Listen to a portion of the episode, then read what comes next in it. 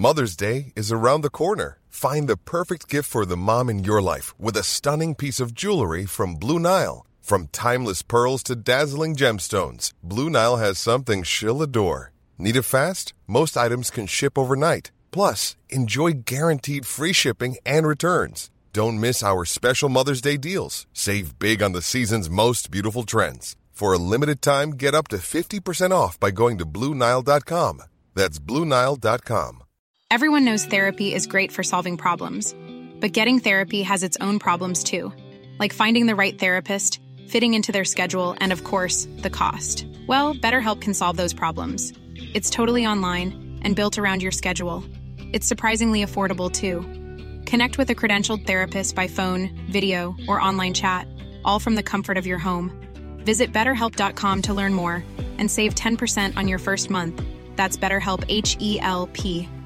A lot can happen in the next three years. Like a chatbot may be your new best friend. But what won't change? Needing health insurance. United Healthcare Tri Term Medical Plans are available for these changing times. Underwritten by Golden Rule Insurance Company, they offer budget friendly, flexible coverage for people who are in between jobs or missed open enrollment. The plans last nearly three years in some states, with access to a nationwide network of doctors and hospitals. So, for whatever tomorrow brings, United Healthcare Tri Term Medical Plans may be for you. Learn more at uh1.com. Vi är denna vecka sponsrade av Indie Beauty. Och Sofie, det här tycker jag är extra fint och extra roligt. Ja men Indie Beauty är ju ett skönhetsvarumärke som jag tror att väldigt många känner till, men det jag älskar mest det är att Indie Beauty liksom vill vara mer än bara produkter, vilket de ju också är. Exakt. Indie Beauty står ju för Independent Beauty, skönhet på dina villkor och för din egen skull. Och Indie Beauty tror ju stenhårt på ett alternativt skönhetsideal fritt från måsten, skam och känslor av otillräcklighet. Där är jag helt med Indie Beauty. Jag med. Det är så jag vill att skönhet ska vara. Ja men verkligen. Och vet du vad som är nytt för i år Sofie? Berätta. Från och med i år så skänker Indie Beauty 1% av sin försäljning till Suicide Zero, Tjejzonen och Djurens Rätt. Så när man handlar produkter från Indie Beauty så kan man liksom känna att man också ger tillbaka till samhället. Ja, kraften i tillsammans. Ska jag säga en sak nu då, som Mm. jag, det, men det är detta jag är extra glad över. Nu har Indie Beauty tagit fram en keps och den tycker jag ändå så på sommaren, skyddar sig från solen, Jättebra, jag älskar kepsen. men det bästa, de bidrar till Suicide Zeros viktiga arbete för att minska antalet självmord och självmordsförsök. Så för varje såld keps så går hela vinsten, 100 kronor, direkt till Suicide Zero. Då kan man liksom göra nytta både för samhället och sin hud på en och samma gång. Ja, och kepsen kostar 169 men alltså hela vinsten går då som sagt till Suicide Zero. Mm. Så om man vill göra skillnad när man är där ute i solen, nu när den börjar titta fram, då ska man välja den här kepsen. Den säljs exklusivt på indiebeauty.se och på Apotea. Tillsammans kan vi skapa en ljusare framtid. Vi ses med kepsarna på! Tack Indie Beauty. Vi är sponsrade av Mindler och som ni säkert vet sedan tidigare så är vi ju ute på psykologresan tillsammans. Men hur vet man egentligen när det är dags att söka hjälp? Ibland uppstår saker i livet som kommer utmana oss och kännas tufft. Det mesta självläker vi oss igenom, för vi är menade att ta oss igenom en viss mängd påfrestningar. Men ibland behöver man professionell hjälp för att ta sig ur jobbiga perioder i livet. Men vart går då gränsen? Vad är en del av livets skavighet och när är det läge att söka hjälp? Det sägs till exempel att stress är farligt, men att också kan vara bra. Alla sover dåligt ibland, så när har man egentligen sömnproblem? Ångesten kommer väl krypande för de flesta någon gång. Så när ska man se ångesten som outhärdlig? Hur vet jag? Med oss som psykolog har vi såklart min gamla psykolog Linnea Seidbrant. Men Linnea, vad är egentligen utmattningssyndrom? Utmattningssyndrom är en konsekvens av svår och långvarig stress utan möjlighet till återhämtning. Vi är ju då skapta för att klara av stress, men vi behöver också återhämtning. Om du utsätts för för mycket stress under en lång period utan att du får till den nödvändiga återhämtningen så kommer kroppen till slut att säga ifrån. Och det är faktiskt så att alla har en gräns. Du kan drabbas av en rad fysiska eller psykiska besvär som trötthet, sömnproblem, hjärtklappning, besvär från magen och tarmarna och mycket annat. Och det här är ju då varningssignaler och tecken på att du kan behöva göra någonting åt din situation. Annars så kan besvären utvecklas till att du mår så dåligt på sikt att du blir psykiskt och fysiskt utmattad. Ladda ner Mindler till din telefon och läs mer på mindler.se.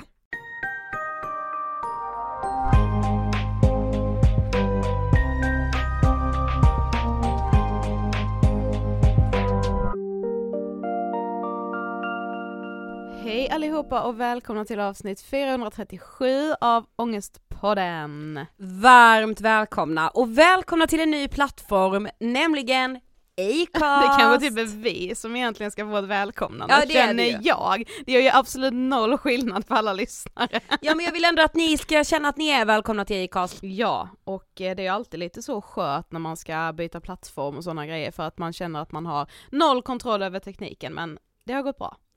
Ja men det har det. Sofie, det är, det var i veckan som gick ett år sedan vi släppte vår opolitiskt bundna opinionsbildande kampanj Tre minuter. Och vilket år sen vill jag faktiskt bara säga. Verkligen. Alltså det är, jag trodde nog, jo jag, jag, jag ville hoppas och tro att vi någon gång skulle liksom uppnå, ja men liksom någon slags genomslag i form av att till och med politikerna skulle lyssna på oss. Att ni skulle göra det som redan lyssnar på Ångestpodden, det förstod jag för jag är supertrygg med, jag visste Mm. att ni skulle ta emot tre minuter med öppna armar liksom och det är jag ju på daglig basis evigt tacksam för. Men att vi ändå har fått göra allt som vi har gjort på mindre än ett år, det är jag faktiskt väldigt stolt över. Mm. 300 000 visningar på kampanjfilmen, 21 000 namnunderskrifter på vår namninsamling, seminarier i riksdagen, överlämning av eh, själva namninsamlingen till Sveriges statsminister, Även inbjudna till att delta i ett runda bordsamtal. verkligen i riksdagen. Mm. Och nu idag ytterligare ett avsnitt med en politiker och inte vilken som helst utan Sveriges statsminister Ulf Kristersson. Ja, och det ska ju sägas att vi har ju poddat med eh, alla partiledare. Eh, det gjorde vi ju innan valet, några partiledare faktiskt innan förra valet Mm. till och med. Men vi har ju aldrig haft med en statsminister Nej. i Ångestpodden. Så det var, äh, det var på tiden. Ja men det var verkligen på tiden och jag tycker också att det säger någonting om, alltså det är ju ändå ett värde i de här frågorna. Ska jag se vad jag är så trött på? Mm. Instagram-aktivism. Alltså jag är så trött på att du och jag skulle skriva sida upp och sida ner på Instagram om vad som behöver göras och vad som, oh bla bla bla, detta är så dåligt, detta är så dåligt. Jo fast gör någonting på riktigt och jag är så, alltså Sofie, nu höll jag på att svära, men alltså jag är så himla stolt över att vi faktiskt gör det och att vi jobbar så. Mm. För att annars kommer vi aldrig kunna förändra någonting. Och jag är liksom, ja, jag, är, jag är så glad för det bara och jag vet hur mycket vi har slitit för det och det hade aldrig varit möjligt utan er som lyssnar. Verkligen så. Men som sagt, Ångestpodden är givetvis politiskt obunden. Oavsett vem som hade varit statsminister, eh, oavsett från vilket parti så hade Mm. ju den, hade vi bjudit in den personen. Självklart. Men det här blir ju ett samtal med statsministern om dels privata saker rörande psykisk ohälsa, såklart elevhälsa, det blir också barn och ungdomspsykiatrin och BUP-upproret. Mm. Och Eh. eh, suicidprevention. Vi rullar intervjun med Sveriges statsminister Ulf Kristersson. Varsågoda! Hej och välkommen tillbaka till Ångestpodden, Sveriges statsminister denna gången, Ulf Kristersson. Tack så mycket. Det är jättekul att du är här. Kul att vara här igen. Men du, hur mår en statsminister så här i maj 2023?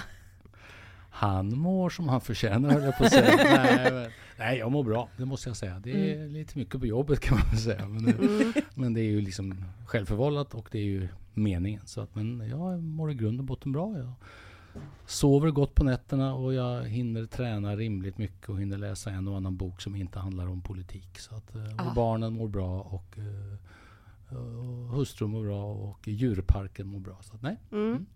Vad tänker du på när du hör ordet ångest? Den frågan har du fått innan men vi tänker att den Mm. kanske har hunnit förändras. Jag minns Jag tänker på ganska många olika saker. Dels mm. tänker jag förstås på, på, allvar, på riktigt, alltså ångest. Mm. Och den som har haft ångest på riktigt eller fått det beskrivet för sig fattar att vi pratar nog lite slarvigt ibland om ångest när vi bara menar att jag är lite nere eller att jag är lite orolig. Men den som har ångest på riktigt, det är inte att leka med. Så det tänker jag på. Men jag tänker också på hur många använder ångest. Att man, att man bara är otroligt stressad eller har orolig för något svårt beslut som ska fattas. Det är ju inte ångest egentligen, men det har liksom blivit lite så. Mm. Ja, det har blivit ett litet uttryck för mycket känslor, mm. känns det som. Ja, ja. Eh, och att det kanske inte alltid är ångest som du säger, men så använder man det, fast man egentligen kanske är orolig eller nervös. Ja, eller? och det är ju naturligtvis inget, jag menar, ord, det händer ju att ord ändrar innebörd. Men min, min poäng var att säga att alla ställs ju ändå, nästan vad vi än gör, inför svåra situationer. Och, att, och det det är ju tråkigt, men så är det ju. Mm. Alla som är äldre än fem år gamla vet ju att så kommer livet vara. Liksom. Mm. Och att, att lära sig hantera det utan att liksom gå sönder, det tror jag är otroligt viktigt för människor. Jag tänker rätt ofta på mina egna barn, att man liksom, genom åren att allt man gör för första gången är ju otroligt jobbigt. Mm.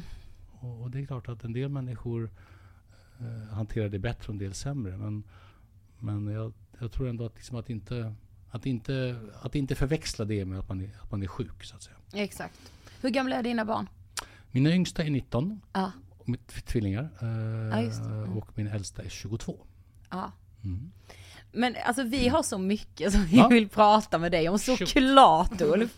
Och vi, det känns liksom så ärofyllt för oss att få vara barn och ungas röst i de här mm. frågorna med dig liksom som statsminister. Mm. Eh, psykisk ohälsa är ju som, som vi alla vet ett sånt enormt samhällsproblem i, i Sverige och den vanligaste dödsorsaken för unga mellan 15 och 24 år är självmord. Eh, och idag släpptes ju, faktiskt idag, vad är det idag, 16 maj när vi sitter här, så släppte ju Folkhälsomyndigheten sin rapport Skolbarns eh, hälsovanor i Sverige. Eh, och vi har inte hunnit läsa hela men det vi läste var ju ganska dyster statistik. Eh, trivseln i skolan minskar och skolstressen ökar för både flickor och pojkar pojkar. Eh, de elever som har minst två hälsobesvär mer än en gång i veckan har gradvis ökat och är nu de högsta sedan studien startade. Hur har vi hamnat här? Varför mår så många unga så enormt dåligt? Vad tänker du kring det? Jag tror att det ärliga svaret är att ingen kan säga att man vet riktigt. Så det finns ganska många rätt bra spekulationer tror jag. Eh, där en ju förstås alltid handlar om sociala medier. Mm. Eh, ibland är den så vanlig så man tänker sig att det kan inte vara enda förklaringen. Alltså jag, jag förstår verkligen, men som förälder själv tänker man ibland, kan ni någon gång lyfta blicken från, från telefonen och försöka stänga av den på natten. Så jag förstår den oron, men även om jag tror att den duger inte som ensam förklaring. Men den duger möjligen som en förklaring att kroppen och, och huvudet får vila lite för sällan. Mm. Där finns det någonting och att allt är så transparent. Det finns skäl till att vi ibland inte vill vara helt transparenta. För, mm. att, för en del saker är gjort för en själv eller för de man verkligen litar på, inte gjort för offentligheten. Och, och ibland blir ju liksom sociala medier blir som en enda stor liksom, gammaldags närgången veckotidning på något ja. sätt. Det tror jag är en orsak. Och den i sin tur hänger ihop med att många, man kan liksom visa upp allt. Allt ska vara så jäkla bra. Så det tror jag är en sån risk. Sen tror jag att det är, det är upplevd stress. Någon sa så här, möjlighetsstress. Att, liksom att alla möjligheter finns där. Tänk dig en som går ut vanligt gymnasium med rimliga betyg. Nästan alla vägar är öppna. Mm. Och det är ju bra. Nackdelen är att då ska man kunna välja mellan alla dessa vägar och veta vad man vill. Det kanske var enklare på den tiden när man förväntades jobba på bruket som fanns. Eller förväntades göra som sin mamma. Eller sånt där. Det var inte, min poäng är inte att det var bra. Min poäng är att det var kanske enklare för många slapp tänka så mycket. Nu är mm. alla möjligheter öppna. Det skapar, tror jag, stress det också. Sen kanske vuxna är för dåliga på att försöka avleda stressen. Hjälpa ungdomar att det här är en rimlig stress. Du kan klara av det, vara systematisk, sortera bort det du inte egentligen vill alls. Fokusera på några få saker, gör det riktigt bra. Det är lätt att säga men det är inte så lätt att göra i verkligheten. Så att, ja, min poäng är att jag vet inte heller. Ska mm. jag säga. Men, ja, men jag, jag, jag, tycker den här undersökningen kommer som en bekräftelse på det vi har misstänkt under ganska lång tid. Mm. Men vi har förstått att de här frågorna är väldigt viktiga för dig. Eh, varför då? Ja, många skäl. Eh, ja, dels tror jag som alla, är man, är man pappa till tre, tre barn, eller i mitt fall tre döttrar, så har man ändå haft skäl att ja, jag har inte verkligen varit eh, värre drabbad eller eh, någon i min familj än de flesta familjer, men haft skäl att tänka ganska mycket på detta, det måste jag nog säga. Och sen tycker jag också, när jag jobbat politiskt genom åren, att frågor om social, eh, socialpolitik, psykisk ohälsa, vad händer när det går åt skogen? Dels när det går åt skogen på riktigt. Och då snackar jag inte att man har lite ångest, utan att människor som alltså, självmordstankar eller ännu värre verkligen gör slag i saken. Ännu värre. Mm. Men också många av de här många familjer som lever i social utsatthet, eh, trångboddhet. Det kan vara barn som eh, får det som kallas på byråkratiskt språk aktivitetsersättning som i praktiken är en slags sjuk pension mm. för, för ungdomar. Alltså, och det är väldigt ofta psykisk ohälsa bakom detta. Många som är arbetslösa, ofta psykisk ohälsa bakom. Många som begår förfärliga eh, brott, ofta psykisk ohälsa också inblandat. Alkohol och psykisk ohälsa, mm. ibland i kombination. Mm. Men, men senast du var, var hos oss, det är ju mm. inte så länge sedan mm. innan valet, så pratade vi ju framförallt om elevhälsan. Eh, och sen sågs vi ju bara för några veckor mm. sedan när vi överlämnade vår namninsamling till dig med 21 000 namnunderskrifter. Eh, och den hade vi ju drivit då för ett maxtak i skollagen mm. för hur många elever en skolkurator får ansvar över. Elevhälsan idag är ju väldigt ojämlik sett till över landet. Varför har vi låtit det bli så? Jag tror vi pratade om det sist också. Det är att det finns ju inte riktigt någon, någon, någon exakt definition på hur det ska vara. Alla ska vara tillgång och så mm. definierar olika skolor det olika. Det, det är lätt att förstå att en, en, en, skola som är väldigt stor med, och därför ganska mycket resurser lätt kan bygga upp separat. Så har man, mina barn gick en gång i skola med totalt sett 90 elever. Antagligen svårare att ha helt egen resurs för allting. Så det, det är olika, jag håller med om det. Men min poäng har väl varit att att elevhälsan borde vara bra på att fånga upp sånt som man ser i vardagen. Jag menar, vårdcentraler och specialistvård är ju bra på mycket, men de allra flesta hamnar ju inte bara där, utan då har man verkligen sökt sig dit. Mm. Elevhälsan är ju en plats där man kan se saker tidigt, det är låga trösklar eh, och då är min erfarenhet att vi har varit för, för lite inriktade på det psykiska måendet och för mycket haft ett mer liksom, lite så vaccinationsperspektiv mm. så att säga. Mäta ryggen och mäta, så vidare. Lite så, mäta ryggen och andra kroppsdelar. Lite så. Ja, men, ja, jag vet, jag vet. Alltså, och det är ju inget fel i det, men jag tror att vi har länge varit alldeles för dåliga på att fånga upp, tidigt fånga upp eh, psykisk ohälsa. Mm. Och det gäller nog både föräldrar och skola. Där borde mm. föräldrar och skola tillsammans kunna göra ganska, eh, ganska mycket, tror jag faktiskt. Så att, och sen vara bra på att slussa över till den vanliga sjukvården. Så att det är ingen poäng att elevhälsovården gör sånt som en vårdcentral lika gärna kan göra. Men Nej. då måste ju någon vara bryggan över dit. Och det borde man bli mycket bättre på tror jag. Mm. mm. Men vad är tillgång till då i din värld som det står i skollagen att man ska ha? Ja, och det är väl det som kanske måste definieras. Ni, ni mm. hade definitioner på fyra, max 400. Mm. Det är ju ett sätt att definiera det. En annan sätt är ju att definiera att man ska ha vissa dagar i veckan ska det finnas på precis på plats. Eh, och jag, sen förstår jag att många skolor kommer tycka att det är opraktiskt för just dem. Så jag, jag har ingen exakt uppfattning om det där. Men det finns en växande insikt om att elevhälsovården är viktig. Mm. Och det är bra. Och det tror jag mest handlar om psykisk... Alltså det är det som har fått många att fatta det. Sen är det lite paradoxalt att det finns samtidigt en, en växande insikt om att rörelse och fysisk fysisk hälsa. Men alltså mm. att röra på sig, att inte sitta stilla hela dagarna, att vara med på idrotten, att gärna röra sig också på fritiden och sånt där. Och att där finns ett växande problem också, framförallt en växande ojämlikhet. För att mm. min bild är att många, många barn rör på sig jättemycket, andra barn rör inte på sig överhuvudtaget. Nej.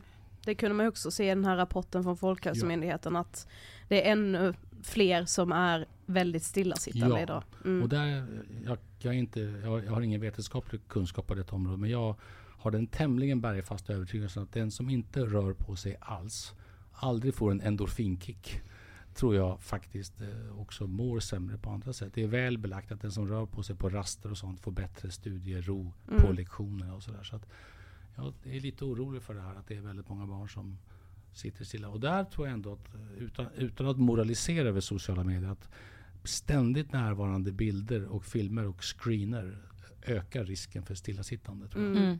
Mm. Vi ska snart släppa det här maxtaket, Mm, ja. men vi vill ta en sak till kring det. Ni, För har- vi- ni har ju ändå satt maxtaket på kartan tycker jag. Det får man väl ändå säga. Vi har gjort vårt bästa Ja, men för det. det, det är så opinionsbildning funkar. Eh, nej men för när vi, ja men precis som du säger, vi har ju verkligen grottat ner oss i det här och just eh, maxtaket tog vi från utredningen Bättre möjligheter för elever att nå kunskapskraven. Eh, för i den utredningens slutbetänkande så formulerade man, eller man, man skrev då ett förslag till förordning där man skrev en skolläkare får ansvara för högst 7000 elever, en skolsköterska för högst 430 elever, en psykolog för högst 1000 elever och en kurator för högst 400 elever. Och det här slutbetänkandet kom 2021 och vi har börjat fundera varför gör man så här mycket utredningar om detta inte ska bli verklighet i praktiken? Jag, fick, det får nästan, jag får nästan säga på att det blev, det gick vidare. Sen Mm. kanske det var på så övergripande nivå att det inte blev skarp lagstiftning. Ja, Mm. Så kan det vara, möjligen. Ibland är det så att man lägger liksom så här, det är den här riktningen man ska gå. Mm. Och det, det funkar ju ibland. Det är klart, ibland krävs det ju väldigt precis lagstiftning. För det känns ju ändå som att alla är ganska överens om att Nej. man måste göra någonting i de här Ja, och det, frågorna. där, det där är, ibland, är det, ibland är det nästan bra med lite oenighet för då blir det skarpare kanter. Ja just det. Mm. Mm. Det här kanske var sånt som alla kunde vara med Men låt oss kolla det, för jag, jag är Ja. inte 100% säker på detta. Mm. Eh, Jag har inget minne av att det var någon politisk oenighet om detta. Titta Mm. på Helena här som... Ja. Nej, och det, alltså det är ju vår uppfattning med inför valet intervjuade vi ju alla partiledare och Mm. alla kändes ganska rörande överens ändå. Mm. Eh, så vi tycker man bara borde... Nej, jag vet. Och, det, och, då, problemet är väl då dels att det kanske inte blir riktigt skarpa kanter. Det Mm. andra är väl att de flesta förstår nog att det här är lite mer komplexa saker än att bara fatta ett politiskt beslut om Mm. det. Det, det är ju ofta så med sådana här lite um, gränsöverskridande frågor där som har många, många orsaker. Mm. Vi håller ju på nu mycket med självmordsprevention. Alltså både Mm. med suicidprevention och, och, och med det kopplat också det vi kallar för haveriutredningar. Vi kanske ska prata om det senare. men Ja, så det att, att verkligen säga att ha ett system där man aktivt lär sig av varje gång någonting går riktigt illa. Men att göra, och det, det ska bli lag, men, Mm. men det är svårt att skriva lagar. Mm. Det är det faktiskt. Mm. Mm. Vi tänker bara att vi också vill ta ett exempel Mm. från verkligheten där det blev så tydligt för oss att så här, okej om det nu inte införs ett maxtak på 400 elever, Mm. även om det är det vi kommer fortsätta kämpa för, så är det liksom, blir det tydligt att man måste göra någonting för att en skolledning inte ska kunna bortprioritera Mm. just elevhälsan.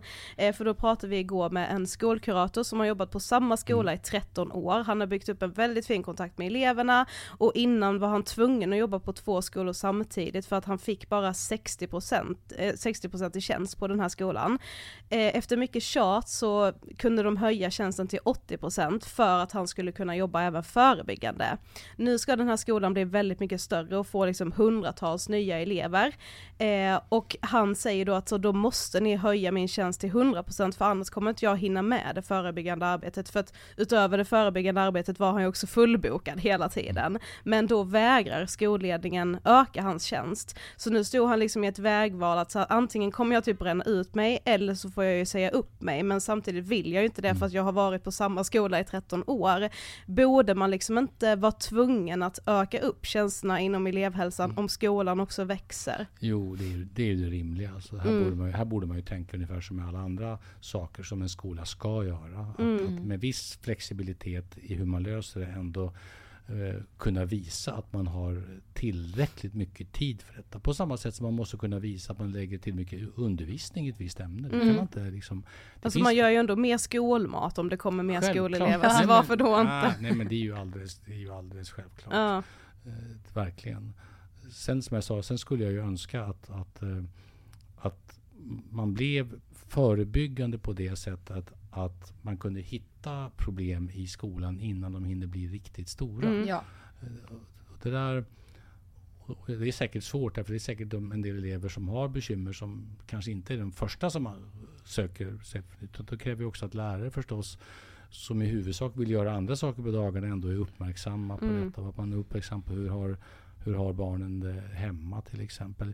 En av mina favoritfrågor som jag också vet är lite känslig det är det här med socialtjänsten och skolan. Därför vi vet, det vågar jag nog säga, vi vet att, att de familjer där socialtjänsten är inblandad av andra skäl, för kanske föräldrarna kan ha missbruk eller psykisk mm. ohälsa, mm.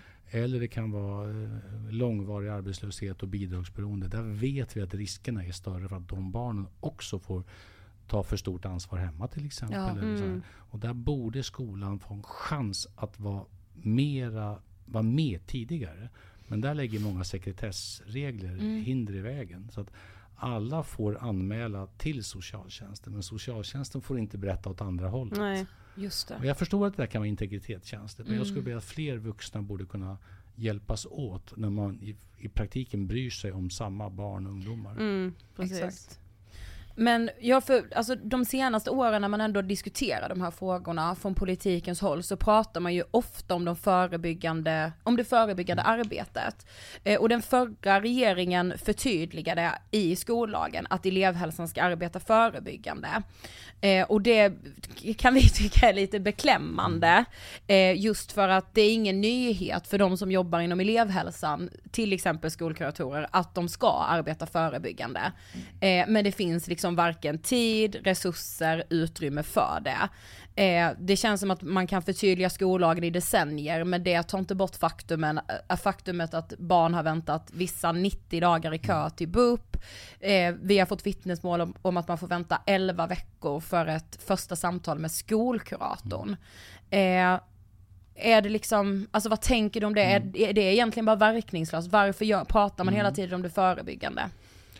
Om jag ska förenkla lite så det finns två problem här. Det ena är ju förstås att får man vänta 90 dagar då är det ju uppenbart att det är 90 dagar som går innan man ens kan diskutera om mm. problemet mm. i stort. Jag tror jag berättade för er sist jag var här att jag träffade en psykiatriker som sa att en viktig orsak till att man ska kunna komma snabbt till BUP det är inte att alla som kommer dit verkligen behöver Nej. specialistvård utan man ska kunna ta bort oron för att det är det man behöver. Och mm. kan konstatera att det här är faktiskt någonting som går att lösa på andra sätt. Där kanske barn och föräldrar kan göra det själva eller det är andra insatser som behövs.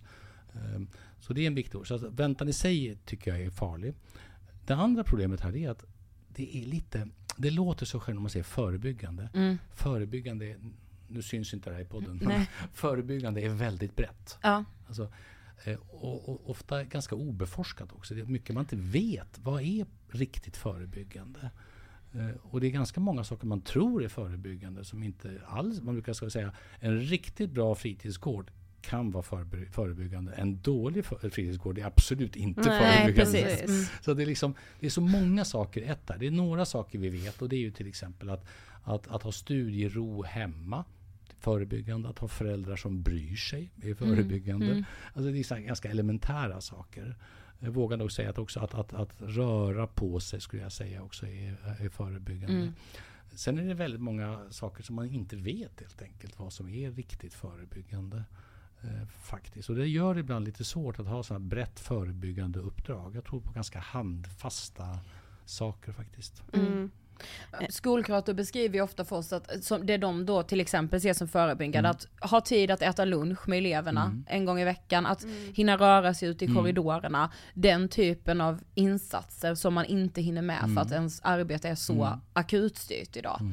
Eh, och också, alltså bara man tittar på köerna till BUP, vi, där ska ju inte så många hamna. Nej. Eh, man ska ju få berättat långt tidigare att nej det är inte hit du mm. behöver komma. Mm. Eh, och där brister det ju idag. Och där tycker man ju att, att som sagt jag är väldigt mycket för att korta köerna till mm. BUP mm. också. Men jag tror ändå att om, om elevhälsovården kunde bli, eller skolhälsovården kunde bli en brygga där man fokuserar på så att säga, ska säga, enklare situationer som man mer kan lösa tillsammans med sina föräldrar eller, eller själv för den delen. Eller, och, och sen snabbt komma vidare till, till sånt som är lite mer allvarligt. Då, då tror jag man skulle göra väldigt stor nytta. Eh, där. Men det är klart, det är alldeles uppenbart. Tiden har ju betydelse. Är man fullbokad ja. hela tiden, då funkar det inte. Nej. Sen vet inte, det kanske också borde veta hur svårt det är att hitta Snart är det personalbrist i Sverige på alla viktiga Mm, yrken, mm. känns det som.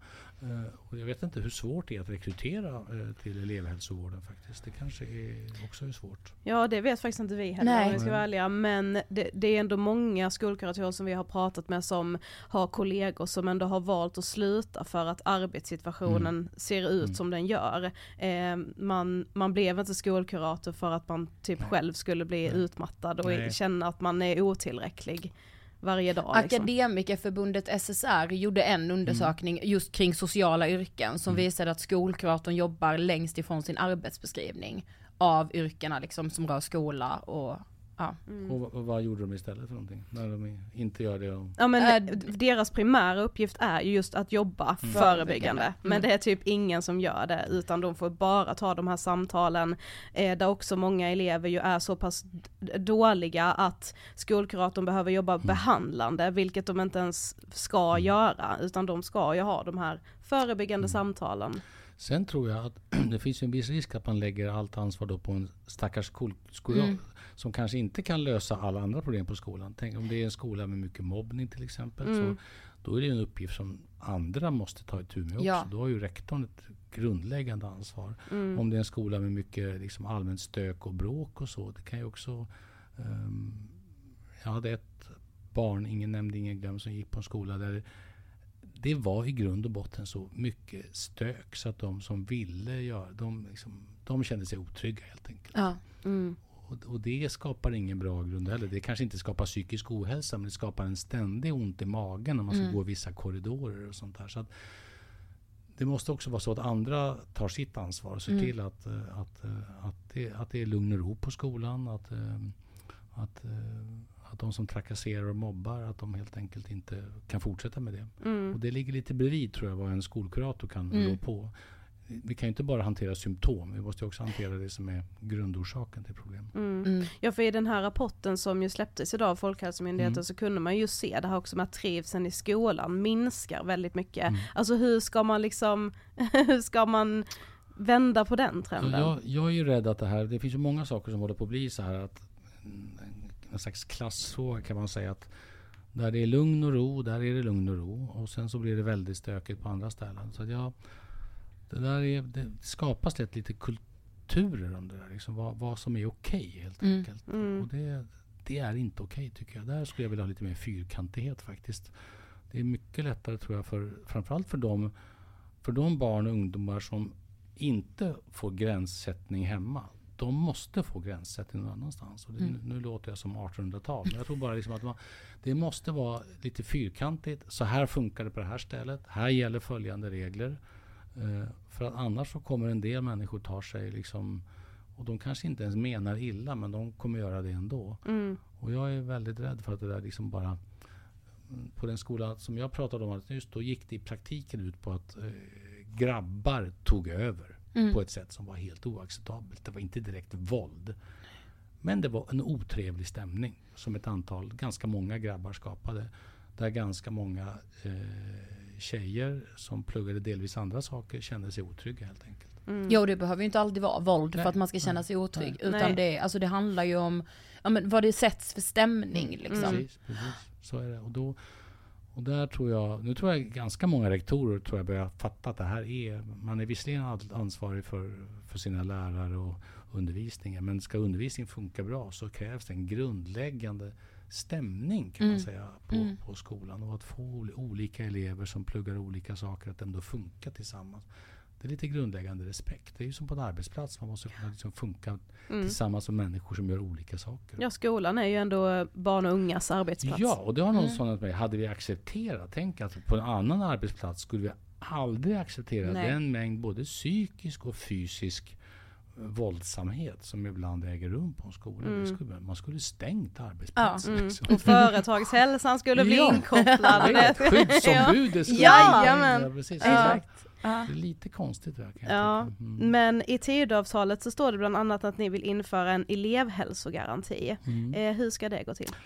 Ja, vi håller på att titta på exakt hur det ska gå till. Och det, det är ju Mm. samma, an, samma andas barn, så att säga. Samma andemening där. Att det måste finnas, det måste finnas tillgängligt och det får inte vara en sak som man kompromissar med på något annat sätt än att man alltid har lite flexibilitet på en skola att hitta en egen väg. Eh, så vi håller på att titta på det just nu i ett rätt stort, ja, det är ganska många skolprojekt som vi håller på med just nu.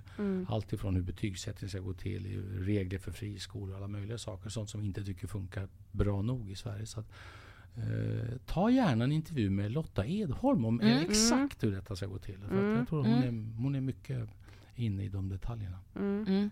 Men det är, vi blir väldigt glada av att man är rörande överens om att elevhälsan inte funkar Mm. som det ser ut idag. Och då som jag sa, då är det, det är bra med enighet. Och då är det bara att det också blir lite tryck i frågorna. För ibland är enighet, ibland är konflikter lite förlamande. Ibland blir enigheten sånt som hamnar lite för långt bak. Just Mm. för att det inte är någon liksom riktigt tydlig så här. Och därför är det bra att ni och andra sätter ljuset på att frågor, bara för att man är enig så räcker det inte att vara långsam. Utan det Nej. måste hända saker. Mm, precis. Exakt. Men då går vi vidare lite till BUP, Mm. tänkte vi. Eh, för sen några månader tillbaka så pågår ju BUP-upproret som eh, tidningen Femina eh, var med och startade och gjorde en intervjuserie. Eh, just nu så är det 1981 barn som väntat i mer än 90 dagar på ett bedömningssamtal. Hur kommer vi till bukt med de här köerna? Ja, att det är svårt tror jag alla egentligen förstår. Så jag ska inte, inte låtsas att det är enkelt. Men vår erfarenhet är ändå att om man med någon systematik både använder pengar och lagstiftning och ska vi säga morötter. Det vill säga att inte bara fylla på pengar där man så att säga är sämst. Utan ge pengar till de som förbättrar sig mest. Då går det att korta köer. Det har vi gjort på många andra köer. Och sen kan det vara så att det är extra svårt här. För det kan vara extra, mycket, extra ont om eh, barnpsykiatriker till exempel. Det är nog inte så att det är jättegott om det. Även om en läkarkompis till mig sa att det glädjande nog nu är, har blivit mera eh, populärt, eller vad man ska säga, att, att eh, ta psykiatrisk eh, specialistutbildning. För att det folk förstår att det här är ett växande område. Eh, och- det har nog inte alltid varit så, utan ibland varit liksom pop, mer populärt bland läkare att göra många andra saker. Exakt. Det klassiska i kirurg. Liksom. Ja, exakt. Alla som har sett Grey's Anatomy. ja, precis. Eller hur? Va? Eh, Så, att, så det tror jag. Så vi, an- vi anslår rätt mycket pengar nu. Jag tror vi har anslagit ungefär en halv miljard destinerat just för att korta köerna till, till BUP. Sen tror inte jag att pengarna bara kommer räcka utan det kommer också handla om att, att utbilda fler och att få fler att vilja jobba just i, i barn och ungdomspsykiatrin. mm, Och att de sen förstås får göra rätt saker. Att det kan vara snabbt in, snabbt vidare. Alla som har någon form av psykisk ohälsa eller inte mår bra ska inte vara på BUP. nej, precis. liksom, mm. Mm. Ready to pop the question? The jewelers at BlueNile.com have got sparkle down to a science with beautiful lab grown diamonds worthy of your most brilliant moments. Their lab grown diamonds are independently graded and guaranteed identical to natural diamonds, and they're ready to ship to your door. Go to BlueNile.com and use promo code LISTEN to get $50 off your purchase of $500 or more. That's code LISTEN at BlueNile.com for $50 off. BlueNile.com code LISTEN. Hey, it's Ryan Reynolds, and I'm here with Keith, co star of my upcoming film, If, only in theaters, May 17th. Do you want to tell people the big news? All right, I'll do it. Sign up now and you'll get unlimited for $15 a month in six months of Paramount Plus Essential Plan on us. Mintmobile.com slash switch. Upfront payment of $45 equivalent to $15 per month. Unlimited over 40 gigabytes per month. Face lower speeds. Videos at 480p. Active Mint customers by 531.24 get six months of Paramount Plus Essential Plan. Auto renews after six months. Offer ends May 31st, 2024. Separate Paramount Plus registration required. Terms and conditions apply if rated PG. Life is full of awesome what ifs, and some not so much, like unexpected medical costs. That's why United Healthcare provides Health Protector Guard fixed indemnity insurance plans to supplement your primary plan and help manage out of pocket costs. Learn more at uh1.com. Men vi tänkte ta och lyssna på ett litet klipp Mm. nu från valrörelsen 2022 när du och Magdalena Andersson möttes i statsministermötet i SVT. Mm. Eh, och då fick ni lyssna på en mamma vars dotter hade väntat allt för länge i kö till BUP. Mm, eh, det här klippet är från eh, Moderaternas egna TikTok ska sägas. Jaha, ja. Vi har sagt att det måste vara en lagstadgad 30-dagars gräns i vårdgaranti på barn och ungdomspsykiatri. Så viktig är den. Idag har köerna tredubblats. Jag ska inte säga under vems regeringstid, för jag håller med om att det nog gäller i många olika län, regioner och därför måste vi ha ett nationellt ledarskap i de här frågorna. Om nästan alla regioner har samma problem, då är det ett systemfel, ett nationellt fel. Därför vill jag ha ett större nationellt ansvar för detta. Lagstadgad 30 dagars gräns. Ingen ska vänta längre än så. Hur ser det ut för den lagstadgade 30 dagars garantin? Det är en av de ganska många saker vi håller på med inom det vi kallar för ökat statligt ansvar. Mm. Eh, Det är inte så att vi tänker låta staten ta över allting. För det, fortfarande ska ju allting ske liksom, lokalt och Mm. regionalt där alla människor bor. Men att skillnaderna är helt orimligt stora. Och vi, håller på med, vi håller på med den, alltså med, med, med eh, att, att staten ska sätta reglerna för, för 30 dagars garantin. Det är en konkret sån sak. En sak som ligger ja, ganska långt därifrån medicinskt men ändå samma problem. Det är när det gäller eh, förlossningsvård. När det gäller jag och eh, sjukvårdsministern, vi var på Akademiska kvinnoklinik och tittade på en del saker som många män inte ens vet. Att endometrios, Mm. eh, bristningar i samband med förlossningar, sådana saker. Extrema skillnader mellan de bästa och de sämsta i landet. Mm. Alltså, det är skillnader som är alltså, helt Ja, det- oacceptabla. ja. helt enkelt, liksom. Det är Rent lotteri var du råkar Mm. bo någonstans. Och där menar vi, där måste staten ta ett större ansvar och helt enkelt sätta regelverken vad, vad som man får göra och inte får göra. Mm. Så Men- det här är en av de sakerna. Ja, kanske en Mm. jättedum fråga, men om man nu skulle införa så här, eh, 30 dagars garantin, vad händer liksom om en eh, region då inte uppfyller det? Alltså får man betala Ja. vite då eller liksom vad, vad blir konsekvensen Ja. av att inte följa Mm. 30 dagars garantin? Det allra första som händer, och det är som har gjort att det funkar tycker jag på andra, det är att det uppmärksammas väldigt tydligt. Det det uppmärksammas, det blir rankinglistor eh, och sådana saker. Har man dessutom ekonomiska styrmedel för att, eh, för att förbättra och förkorta de här, då, då, då får man mer pengar helt enkelt om man, är, om man håller Ja. tiderna. Så att ytterst får man väl naturligtvis tänka sig även liksom sanktioner och sådana saker. För det här är ju Ebba Busch brukar säga det här är att det här är olagligt långa vårdköer. Mm. Olagligt långa vårdköer. Eh, och jag är inte alls främmande för att då ska man liksom skärpa till det där ordentligt. Eh, när det gäller barn och ungdomspsykiatrin så är läget extra besvärande för där finns det inte ens en eh, tidsgräns. Då Nej. har vi haft det på många andra områden. Då har vi haft den här 90 dagar Mm. som har varit som har varit en ganska ska, uppfattat som en ganska skarp gräns. Och det har Mm. inte funnits på just barn och ungdomspsykiatrin. Det är ju lite extra ironiskt. Att man Mm. kan tycka att det borde vara extra viktigt. Exakt. Mm. Man tänker det och cancer och några andra saker är ju sådana saker där man vet att men det är ju illa nog att vänta länge på en höftled. Ja. Ja. Men det, trots allt, den kommer kunna bytas. Så jag är mest bekymrad när det gäller just eh, cancerdiagnoser och eh, psykiatriska diagnoser. Mm. Mm. Ja men just när man också kollar på hur ojämlikt det är. Jag tror det är Gotland tror jag har 100% Ja, ja, inom 30 dagar. Föredömligt. 92 när jag Ah, läste. okej. Det är bra. Ja. Det är också Ja bra. det är också Och jättebra. några var nere på sådär, var det 20 procent? Ja. Västerbotten tror jag var 12%. Ja. Mm. Det är ju liksom det lotteriet i var man bor. Ja. Och då förstår man också att ja, det finns säkert saker som Västerbotten kan förbättra. Det Ja. tror jag säkert. Men det är säkert också så att de skulle nog säga att vi har, vi har svårt att rekrytera medicinsk personal. Skulle jag gissa att de säger. Eh, att det är svårt att rekrytera. Att det är, som jag sa, en av många yrkeskategorier som det är ont om i Sverige. Och det, där, det stör mig lite grann. Snart, allt som är viktigt har vi ont om snart. Ja. Vi har ont om i sjukvården, vi har ont om alltså, väldigt många områden. Så det är också, tycker jag, ett budskap, lite lätt farbrodligt, jag fattar det. Men alltså så att utbilda er till sådana jobb som är riktigt viktiga och där det finns jättegott om jobb.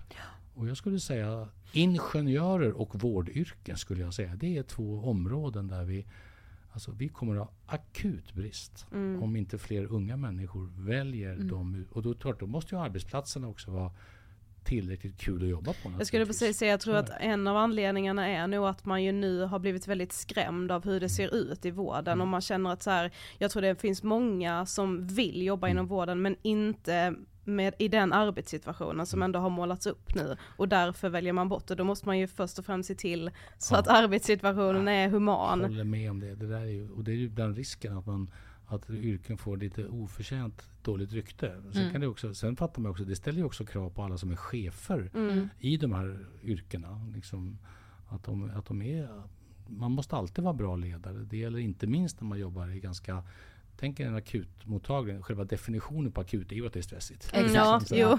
Det kräver extra mycket av ledarskapet eh, där naturligtvis. Så att, eh, Mm. Så att, eh, jag har följt det på nära håll. En av mina döttrar hon, eh, hon gör värnplikten just nu och eh, Mm. har gjort det som sjukvårdssoldat. Oh, wow. Lite, lite med tanke att pröva på också. Är, är hela det här vårdyrket, är det Ja. någonting för henne? Mm. Gillar jag blod som hon sa? Klarar jag av ja, det? klarar, klarar jag av det? Ja.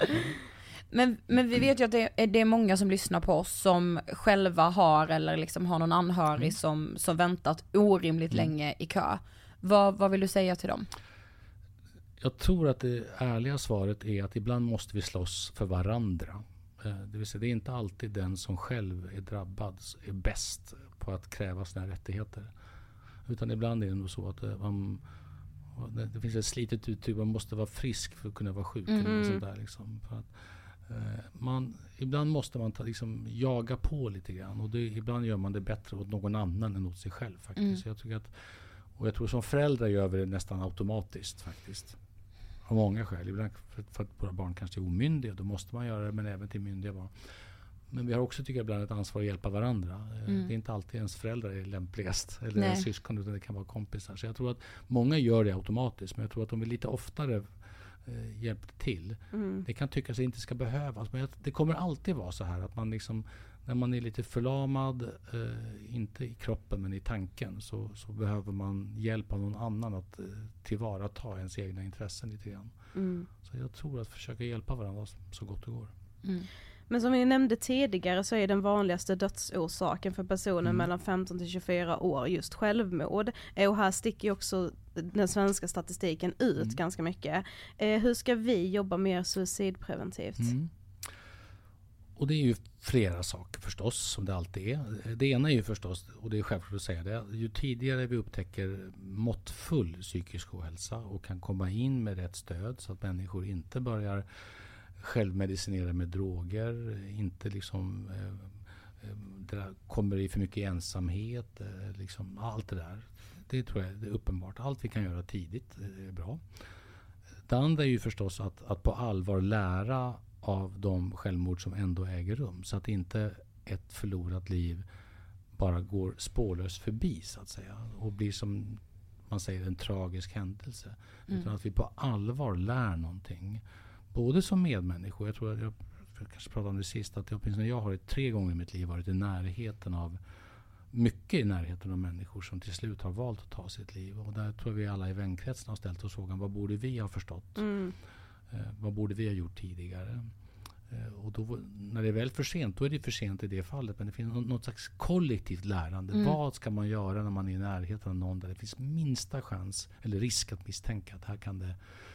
Så, så att nu håller vi på med lagstiftning som vi kallar för haveriutredningar. Mm, man mm. i praktiken går ut på att släppa sekretessen ganska mycket och egentligen göra en haveriutredning när man ser eh, vad visste sjukvården, vad visste socialtjänsten, vad visste skolan? Har informationsvägar fungerat?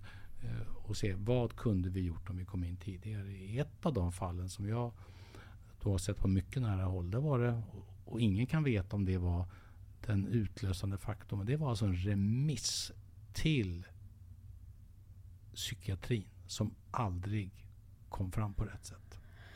Åh, det är så onödigt. Och den blev ju anmäld då på alla sätt. Och så, Ja. men där, där skedde det ett nästan mekaniskt fel. Mm. Eh, och det kan ha varit avgörande. För det var en person som kanske inte var, hade lätt, lätt att söka hjälp. Men som ändå till slut valde att göra det. Och så hände ingenting i andra änden. Mm. Mm. Men lika mycket ett mänskligt fel. Att vi, många som nog tyckte att vi borde ha förstått att, att eh, han var i ett mycket sämre skick än vi kunde förstå. Mm. Så det, det tycker jag det finns. Sen är ju kopplingen till droger är rätt uppenbar och så kan man dividera hur, om det är drogerna som har skapat Mm. problemet. Jag har sett sådana fall också på nära håll.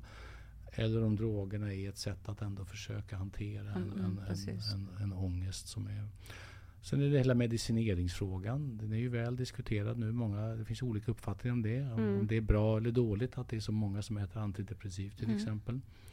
Jag känner ganska många som tycker att de har fått väldigt mycket hjälp. Med att få Vi med. Ja. Mm. Många av våra Ja, lyssnare ja. som... Så jag, ja. jag, jag är i grunden mycket mer för än emot. Jag tycker inte man ska moralisera. Nej. Vi skulle aldrig moraliserat över smärtstillande eller över, över, över antibiotika. Ja, det Nej. gör vi om det är fel används, Ja. men inte annars. Så att jag, så jag, är, ja, jag, jag har respekt för det och jag tycker det är bra att det idag forskas väldigt mycket mera. Eh, Och sen är det lätt att säga att det är klart man inte ska överanvända och man ska Nej. inte börja medicinera för att eh, man är ledsen för att ens flickvän har gjort slut och sådär. Det fattar jag också. Men, så det är ganska många saker. Men jag tror att suicidfrågan den är fortfarande... Jag vet att min hustru som nu är, är, har blivit präst i, i fullvuxen ålder, Mm. som vi säger. Eh, hon fick någon fråga om just detta också. För präster får ju också många sådana Mm. Ja, samtal. precis. Verkligen. Ungefär som, som kuratorer Mm. och, psykologer har ju också en extremt hård tystnadsplikt. Hon fick frågan och hon var, slogs av att fortfarande hur tabubelagt det är Mm. här, diskutera detta. Både efter ett självmord och då är det, så här, då är det ju meningslöst att ha tabu för då är det ju för sent. Ja. Är det någon gång vi borde prata helt öppet om det så är det ju då. För Exakt. det är ju helt absurt. Mm. Men, också, men också inför liksom att, att, det, att det, det är något skambelagt i detta som, är, som jag tror försvårar de samtal som skulle kunna vara till nytta i, Mm. i förväg. faktiskt. Ja. ja, jag håller med. Jag relaterar verkligen. Min faster tog sitt liv 2016. Mm.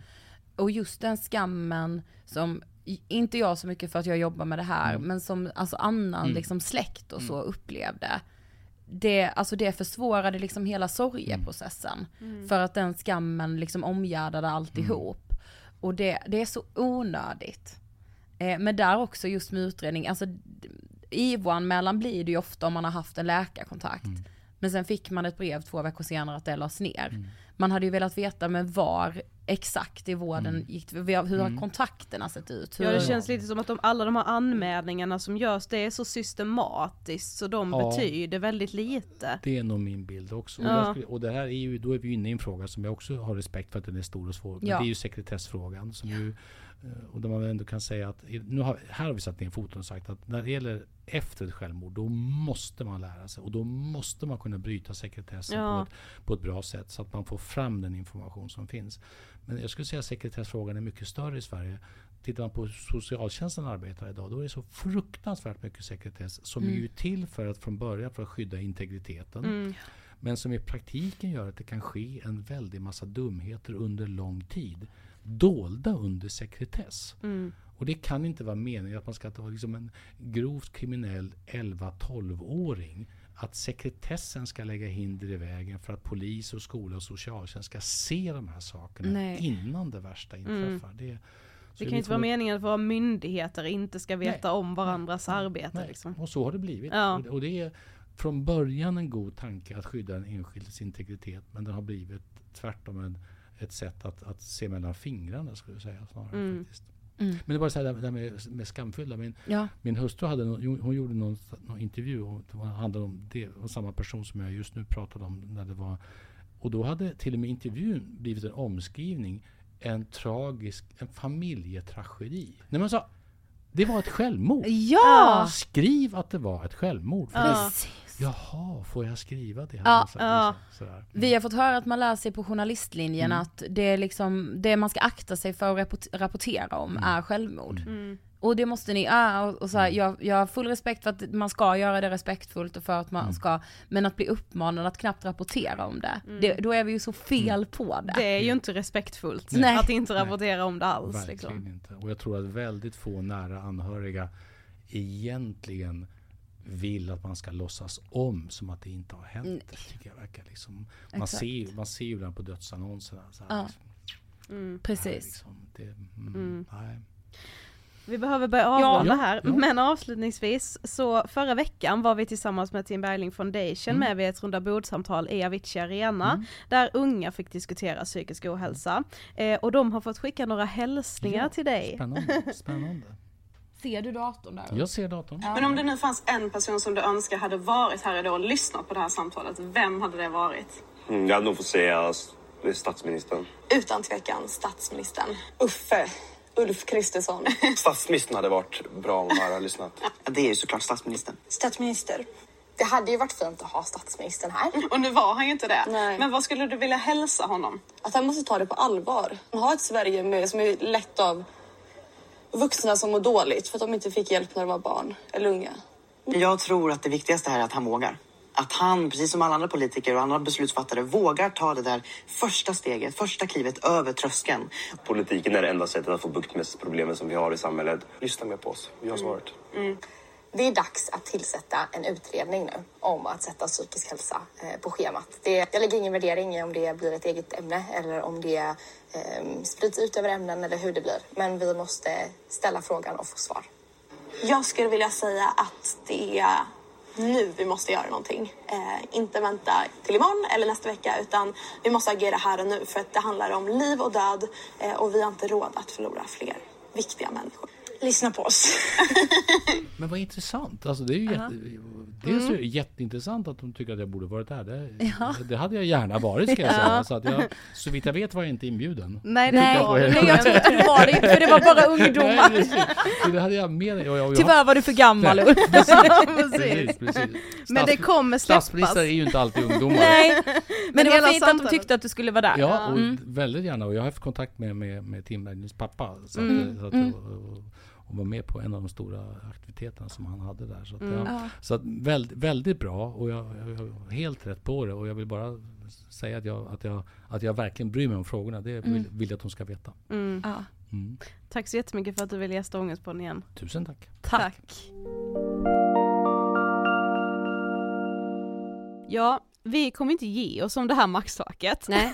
och sen kan jag köpa att, eh, alltså jag kan köpa argumentet att så, men vad då vissa skolor har ju bara 400 elever, Mm. eller så här, på vissa ställen kanske, alltså till och med 400 är alldeles för många, alltså Mm. säg om det är i ett område eh, eller på en skola där det är väldigt kaotiskt, då kanske man behöver bara, alltså då kanske det bara kan vara 200 elever per skolkurator, men det är ändå så här, jo men okej, om det nu inte, om inte just, om det är siffran man hakar upp sig på, så måste man ju ändå kunna göra någonting annat, för så som det är idag är ju så orättvist mot alla elever och alla skolkuratorer.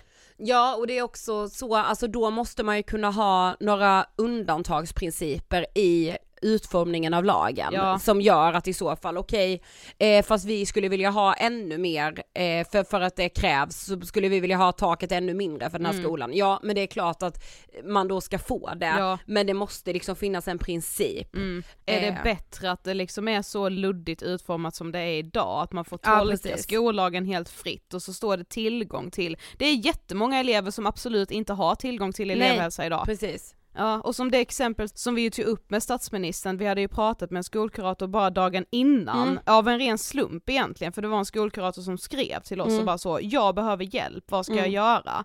Eh, och bara så här hur eh, den här skolkuratorn då beskrev just det här med att bara jag känner ju att det är mig och min arbetstid och min relation med eleverna som man tummar på och den här skolkuratorn har jobbat på samma skola i 13 år. Exakt. Alltså exakt. det är för jävligt. Ja, och li- lika Planning for your next trip? Elevate your travel style with Quince. Quince has all the jet setting essentials you'll want for your next getaway, like European linen, premium luggage options, buttery soft Italian leather bags, and so much more. And is all priced at 50 to 80% less than similar brands. Plus, Quince only works with factories that use safe and ethical manufacturing practices.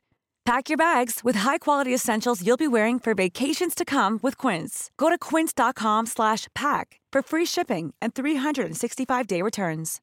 Imagine the softest sheets you've ever felt. Now imagine them getting even softer over time. That's what you'll feel with Bowl and Branch's organic cotton sheets. In a recent customer survey, 96% replied that Bowl and Branch sheets get softer with every wash. Start getting your best night's sleep in these sheets that get softer and softer for years to come. Try their sheets with a 30-night guarantee. Plus, get 15% off your first order at bowlandbranch.com. Code BUTTERY. Exclusions apply. See site for details. Mom deserves the best, and there's no better place to shop for Mother's Day than Whole Foods Market. They're your destination for unbeatable savings, from premium gifts to show-stopping flowers and irresistible desserts. Start by saving 33% with Prime on all body care and candles. Then get a 15-stem bunch of tulips for just $9.99 each with Prime. Round out Mom's menu with festive rosé, irresistible berry chantilly cake, and more special treats. Come celebrate Mother's Day at Whole Foods Market. Likadant eh, med liksom BUP såklart, alltså hur vi bara låter det här fortgå. Mm. Eh, Dock jätteviktigt som vi ju var inne på med Ulf, att så här, och det har vi ju varit inne på lite innan också och pratat mycket om det utanför podden, men just det här med att alltså, nu har man pratat väldigt mycket om BUPen då, är det någonting som lyfts i debatterna så är det ju typ BUP-köerna, om nu psykisk ohälsa får ta någon form av plats, men att det har nästan blivit så att man tror att så fort en unge mår lite dåligt så ska man till BUP, och man har liksom glömt bort att det är specialistvård. Eh, så det är ju viktigt att det blir tydligt också, men då krävs det också att säga, jo men okej, men vad ska då en unge som börjar må dåligt? Typ till sin skolkurator, då behöver det också finnas en skolkurator. Exakt. Också så glad att vi pratade suicid och suicidprevention, eh, just för att det så sällan tar plats. Mm. Eh, det gör ju sällan de här frågorna. Eh, så vi tackar statsministern för att du kom och gästade Ångestpodden. Vi hoppas inte att det var sista gången eh, och ni blir inte av med oss så att säga. Vi kommer göra oss påminda i de här frågorna. Jag skrattade så mycket när jag skulle klippa ihop en film från så här, åh nu är det ett år sedan vi släppte tre Ja. minuter, så var det då ett klipp för Mind Unga var Mm. ju på vårt seminarium i riksdagen, eh, och så frågade ju hon oss typ så här i ett klipp då, bara, men vad händer nu? Och du bara, nu ska vi följa upp i frågan och så, jag bara, ja och sen så ska vi också försöka få statsministern att ja, ta emot vår namninsamling, så vi fortsätter jaga honom helt Ja. enkelt, och vad vi har jagat sen. Ja verkligen. Men det är kul. Alltså ni får jättegärna skriva, vad tänker ni, vad tycker ni, vad, vad liksom, vad väcks för tankar i er när ni hör det här, dela gärna avsnittet för det är så sällan de här frågorna lyfts på liksom den här nivån med så, den personen som har mest makt i Sverige. Ja, eh, ska dock sägas att vi fick ett mail av eh, Ulfs eh, pressekreterare för hon ville kolla upp det här med den här utredningen. Vi, vi hänvisar ju hela tiden till en utredning som heter Bättre möjlighet för elever att nå Mm. kunskapskraven.